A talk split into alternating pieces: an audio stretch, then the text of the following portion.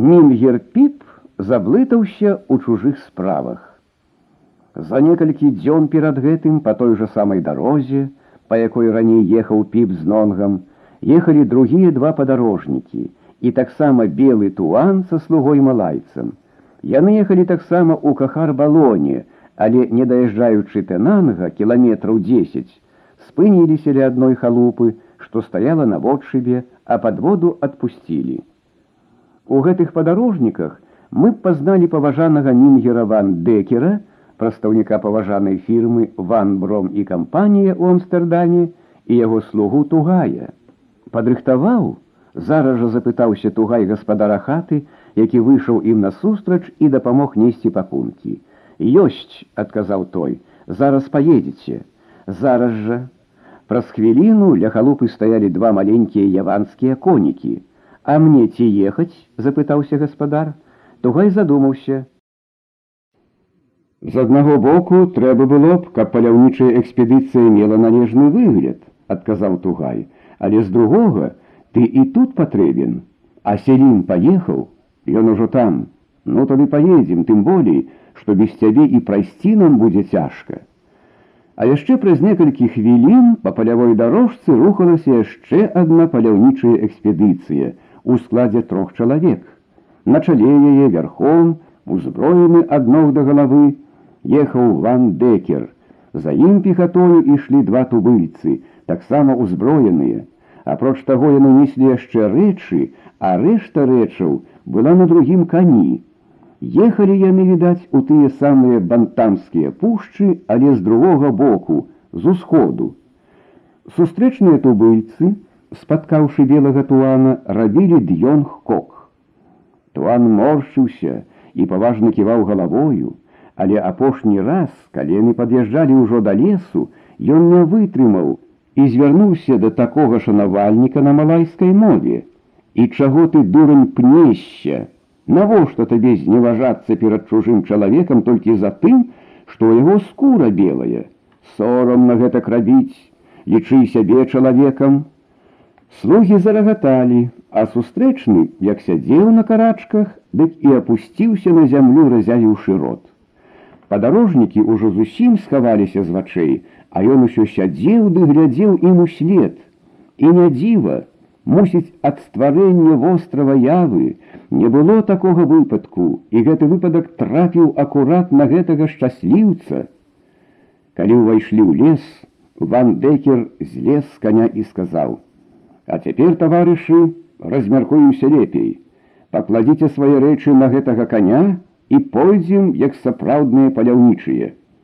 Ну і здзівіў жа ты таго чалавека, сказаў са смехам тугай свайму пану, мусіць увесь век будзе памятаць і трубіць на ўвесь свет, Хай трубіць, шкада, што не можна гэтак на кожным кроку рабіць, спакойна адказаў декер. Можа, вы ўжо здагадаліся, хто такі быў паважаны мінгер ван декер, прадстаўнік паважанай фірмы Ван Бром і кампанія ў Амстэрдаме. Калі не, дык прыйдзецца прыпомніць драму на моры, Сардан, механіка Гейса, яго таварыша Салула, які цяпер зваўся тугай. Не трэба доўга тлумачыць, чаму яны гэтак перавярнуліся. Мы самі ўжо бачылі, якія выгоды мае прадстаўнік фірмы Ван Декер на яве. Ён можа ўсюды ездзіць, усё бачыць і ведаць, усюды яму пашана, а за яго спіною і яго слуга адчувае сябе лепей і бяспечней. Мы ўжо бачылі, што гейс у доме генерал-губернатара даведаўся нават, што ўлада нешта пранюхала пра сардам і папярэдзіў таварышаў тэлеграмай. Апроч таго, перад гейсам і салулам стаяла другая важная задача Трэба было размеркаваць зброю, якая была захоплена на сардамі, а гэта справа нялёгкая. Зброю было шмат, абы куды яе не сунеш. Трэба нікуды дзець, а потым ужо размяркоўваць. Дзеля гэтага яны і накіроўваліся ў бантамскія пушчы, дзе меркавалася зрабіць галоўны склад зброі. І нарэшце, наогул такая рэч, як арганізацыя паўстання, у першую чаргу патрабавала надзейнай сувязі. А для гэтага нічога лепшага нельга было прыдумаць, як вандраванне прадстаўніка фірмы Ван Бром і кампанія з нікчынным слугой тугаем. Трэба адзначыць яшчэ, што Гейс не быў галоўным кіраўніком у гэтай рабоце. Нават Салул, які іграў ужо вялікую ролю, таксама не быў галоўным. Галоўны штаб быў у Батавіі, потым камітэты ў гарадах бантаме, сурабаі, іншых месцах, але галоўныя кіраўнікі не мелі магчымасці вандраваць. Яны патрэбны былі на месцы, апроч таго за імі больш сачылі. Такім чынам на долю салула і гейса выдалася самая сур'ёзная і адказная работа. Такім чынам у бантамскіх пушчах апынулася і другая паляўнічая экспедыцыя. Але звяры маглі быць спакойнымі. Паляўнічыя гэтыя не зварачалі на іх ніякае ўвагі. Яны палявалі на другіх, больш буйных звяроў. Праз два дні яны праходзілі ў трох-чатырох кіламетрах ад гары табу, накіроўваючыся далей на поўдзень. І тут напаткалі нонга, які, пераначаваўшы ў даліне гейзераў, блытаўся, не ведаючы, што рабіць, куды ісці. Неспадзявана убачыўшы трох новых людзей, ды сярод іх яшчэ белага, Нонг не ведаў, што і думаць. Але падарожнікі ані трохі не здзівіліся. Яны былі ўпэўнены, што гэта адзін з іх таварышаў паўстанцаў, хто іншы, не лічачы бедувіса, мог тут быць, да яшчэ добра ўзброены. Хутчэй праводзь нас на месца, звярнуўся Саул да нонга. Куды? здзівіўся нонг. Ды не бойся, мы свае. Да бадувісаў запытаўся нонг. Ды годзе, будзе ўжо, раззлаваўся Саул. Хіба ты не бачыш, што нас толькі трое. Нават каб і ворагі былі, то не лезлі б так.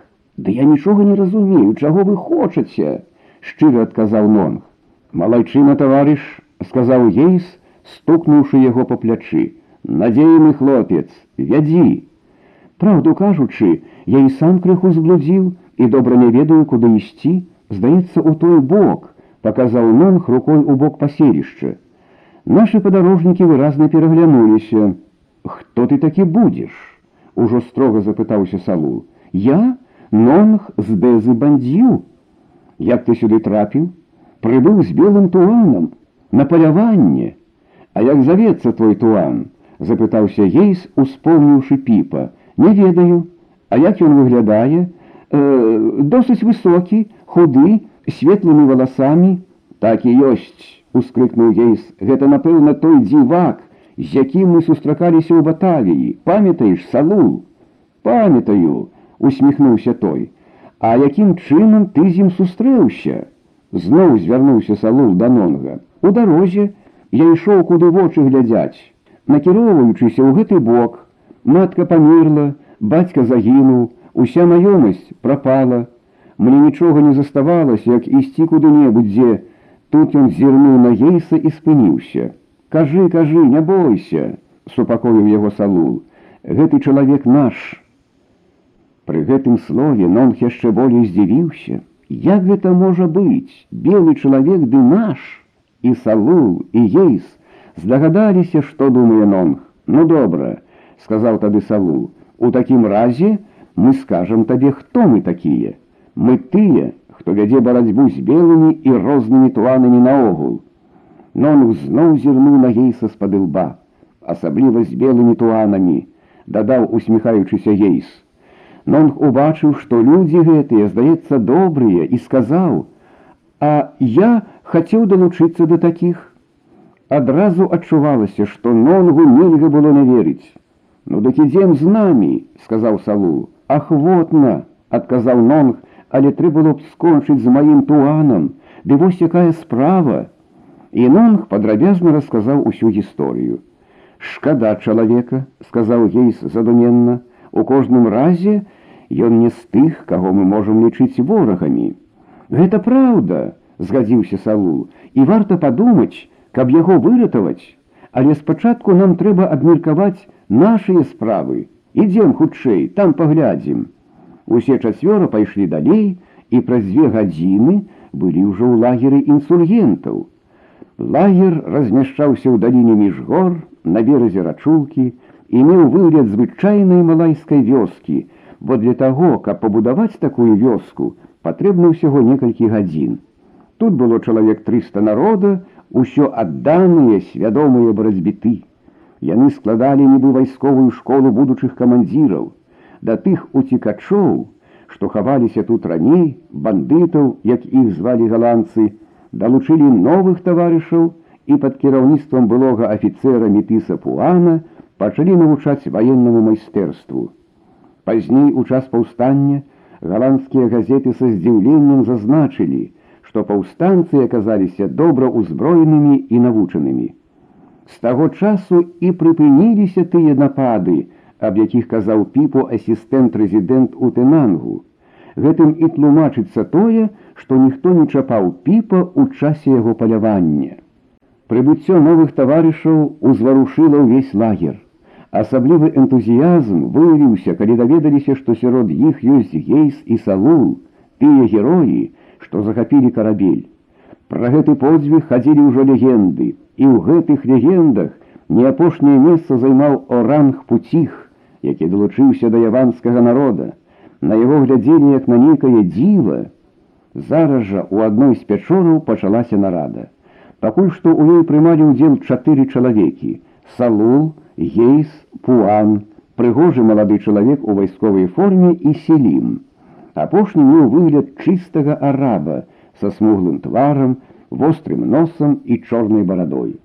Ён меў гадоў пад 45, карыстаўся вялікім аўтарытэтам, асабліва сярод магаметанскага насельніцтва, усё сваё жыццё прысвяціў барацьбе з галандцамі, але яго задачы значна адрозніваліся ад задач яго таварышаў. Ён быў спачатку членам чыста мусульманскай партыі, потым далучыўся да агульнанацыянальнай партыі савекатрыят. Тут ён уваходзіў у лік меншасці, якая стаяла за рашучае дзеянне, але рэвалюцыю ён мысліў толькі як нацыянальную, толькі каб прагнаць галандцаў і стварыць незалежную дзяржаву. А сацыяльныя пытанні адкладаў на потым, але гэта пакуль што не шкодзіла ісці ўсім па адным шляху. Ён стаяў на чале нацыянальна-вызвольнага руху ў бантаме.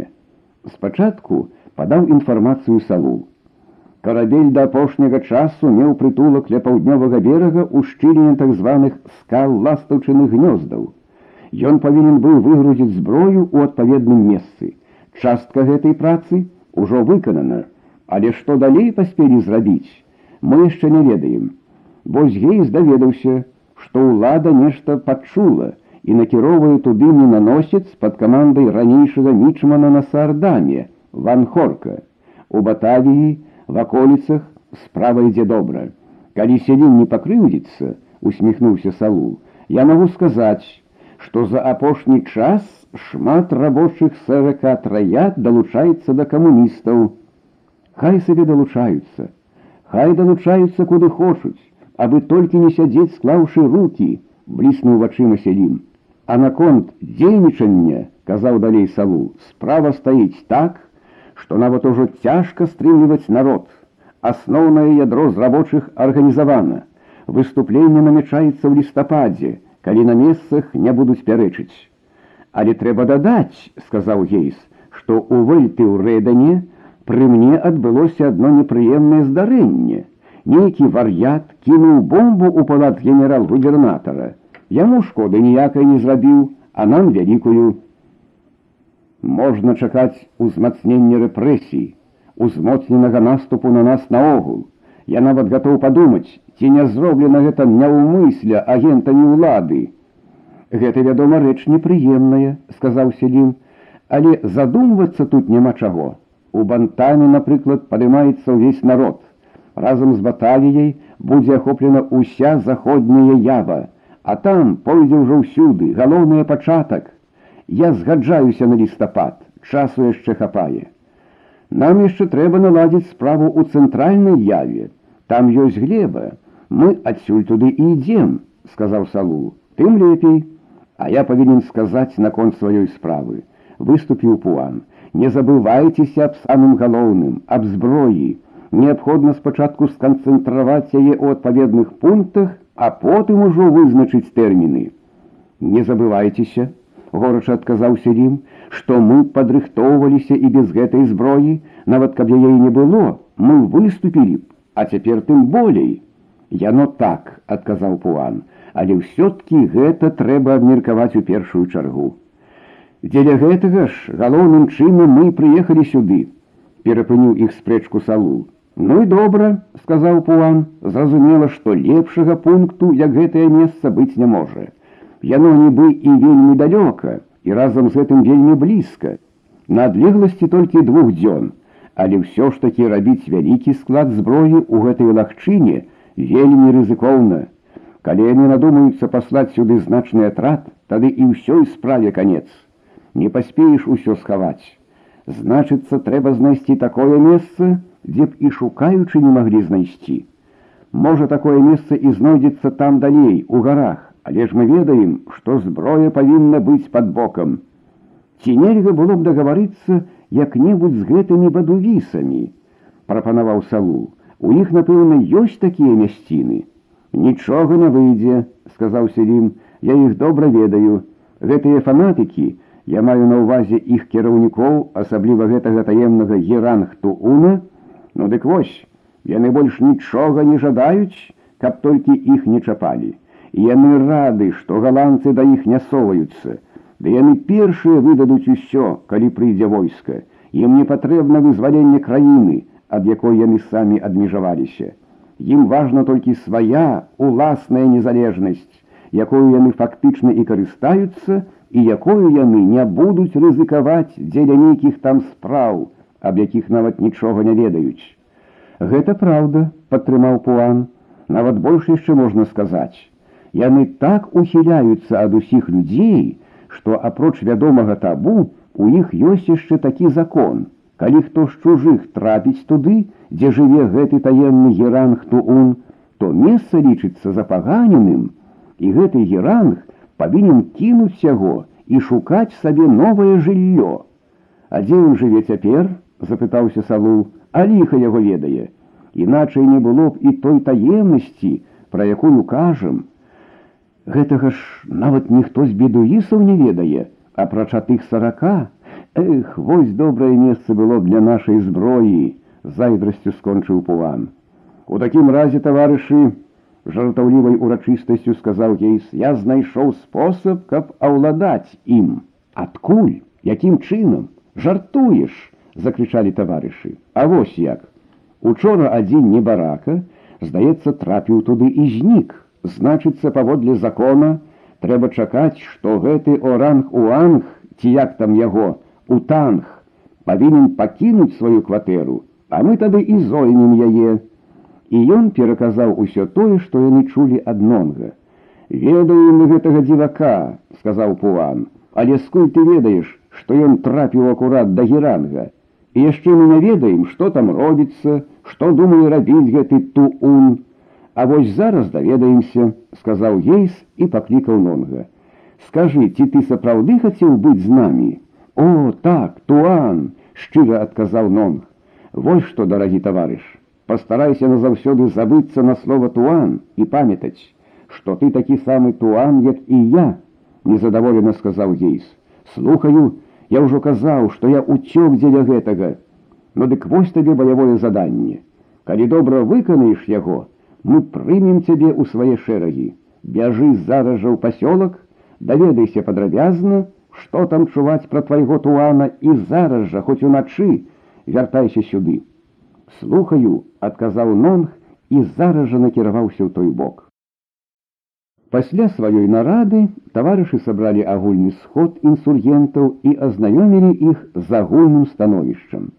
Гэта было асабліва важна таму, што яны седзячы ў гэтай глушы, нічога не ведалі, што робіцца на свеце, ці рухаецца там іх агульная справа, якія ёсць перспектывы, свежая, аўтарытэтная інфармацыя, бадзёрыя весткі значна паднялі настрой паўстанцаў.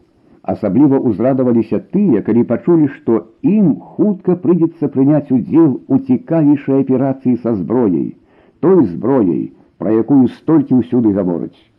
Такім чынам у дзелавых гутарках непрыкметна скончыўся дзень, прыйшоў вечар, запалалі вогнішчы, засмажылася дзічына. Ці прыйдзе гэты нонг? Час ад часу пыталіся таварышы, а калі прыйдзе, то можа не паспее сёння. Але праз гадзіну пасля заходу сонца нонг з'явіўся, засопшыся, змораны, абшарпаны. Малайчына нонг, пахвалілі яго таварышы. Экзамен вытрымаў. Ну садзіся, распавядай. У пасёлку толькі і гамонка пра белага чалавека і яго злачынства, пачаў нонг. Кажуць, што ён не толькі парушыў табу наогул, але запаганіў святое месца, дзе знаходзіцца геранг туун. Вось мы ведаем цяпер гэтае месца, сказаў гейс. Жрацы абвясцілі, сказаў далей нонг, што ачысціцца ад запаганення можна толькі крывёю злачынцы. Чаму ж так? ускрыкнуў гейс. Па закону жрацы павінны пакінуць запаганенае месца зусім, Вось так і казаў наш гаспадар того і ўсе іншыя вадавісы. Усе яны ведаюць гэты закон, але ж рацы тлумачаць, што можна зрабіць іначай, можна ачысціцца крывёю ахвяры. Для гэтага трэба справіць нейкую урачыстую цырымонію ў царкве у час маладзіка. Гэта значыць праз пяць дзён. Збіраюцца не то забіць, не то засмажыць туана, а ўсім нам спадарожнікам яго, загадана было пакінуць пасёлак зараз жа, але з прычыны хваробы хаона дазволілі яшчэ пабыць тры дні, а туана на гэтыя пяць дзён пасадзілі ў царкву, нібы для нейкай падрыхтоўкі. Вось табе і маеш, нібы абурыўся ейс, А як жа ж закон, а? Чаго ж гэта яны самі не выконваюць яго, а другіх вучаць? Што ж тады будзе, калі ніхто не захоча выконваць закон? Гляньце, які прыхільнік іхняга закону, засмяяўся селім, але бачыш, яны знайшлі другі закон, бо не такія дурні, каб пакідаць наседжанае месца. Можа, калісьці іхнія дзяды выконвалі гэты закон, а цяпер народ разумнейшы пайшоў, не глядзі, што ў пушчы сядзяць. Пачакайце, сказаў сарул з хітрай усмешкай, ну калі допустим ахвяра уцячэ і не ўдасся зрабіць гэтае ачышчэнне крывёю, а тады што павінна быць таварышы паглядзелі на яго нібы здзівіўшыся потым зірнулі адзін на аднаго з вясёлымі іскаркамі ў вачах і засмяяліся выходзіць што тады яны павінны пакінуць сваё гняздо крыкнуў селім і нават ускочыў з месца значыцца нам трэба будзе паклапаціцца аб гэтым сказаў далей салу мы з гейсам ахвотна дапаможам свайму прыяцелю тым болей што лёс яго цяпер ужо некаторым чынам звязаны з лёсам будучай яванскай рэспублікі. Эх, каб узяць 50 чалавек, то не трэба было б ніякіх манеўраў, ды хітрыкаў, усё захапілі б, сказаў пуан, А яны пабеглі б, ды сказалі галандцам, дзе мы сядзім, дапоўніў гейс, не, лепш прымусім іх выканаць закон. Можа тады іх не бог у падзяку дапаможа нам. Такім чынам перад інсургентамі паўстала зусім неспадзяваная задача вызваліць нейкага там піпа ды вызваліць асцярожна, каб не ведалі, хто гэта зрабіў. Пачалі абмяркоўваць план, каб не рызыкаваць жыццём каго-небудзь таварышаў, вырашылі заўтра к начы згрупаваць у лесе бліжэй да царквы чалавек 50 інсургентаў. Яны павінны былі ўмяшацца толькі тады, калі ўжо ніяк нельга будзе абысціся паціху.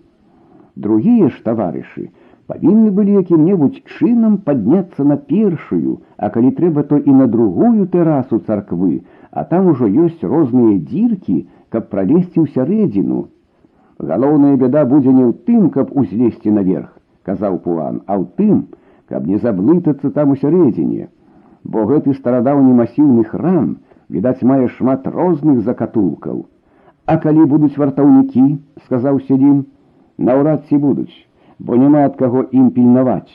А калі і былі б, то ў нас хопіць людзей, каб ціхенька пазатыкаць ім раты. Наогул кажучы, я б ахвотней пагадзіўся выступіць у бойцы супраць у два разы большага атраду, чымся лезці ў гэтую чортаву пастку. Затое мы і бярэм толькі народу, каб у выпадку неабходнасці можна было пачаць сапраўдную вайну, сказаў Саул. Абмеркаваўшы яшчэ ўсе тэхнічныя бакі справы таварышы ляглі спаць, А назаўтра уначы адбылося ўсё тое, што мы ўжо ведаем. Справа прайшла гладка. Спецыяльных вартаўнікоў не было, бо жрацы добра ведалі, якою непрыступную крэпасцю з'яўляецца іх царква, А ўцячы знутры палонніку было яшчэ болей немагчыма. Стаўшы адзін аднаму на плечы, інсургенты хутка замацавалі наверсе вяроўку і ўзлезлі на першую тэрасу.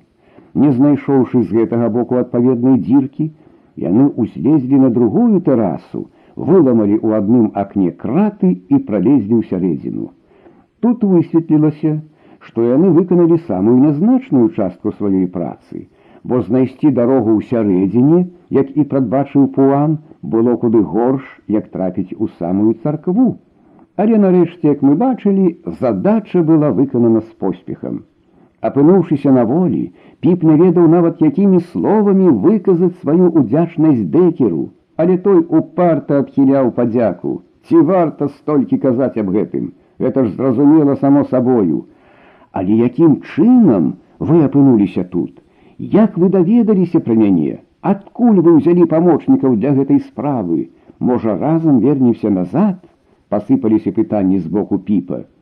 Я павінен тут яшчэ застацца, адказаў Декер Гейс.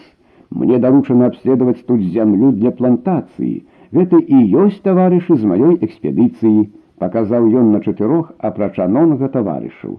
Зразумела, усяго атрада ён не паказаў. Але не было часу доўга разважаць. Заставалася яшчэ не меней цяжкая задача выехаць адсюль.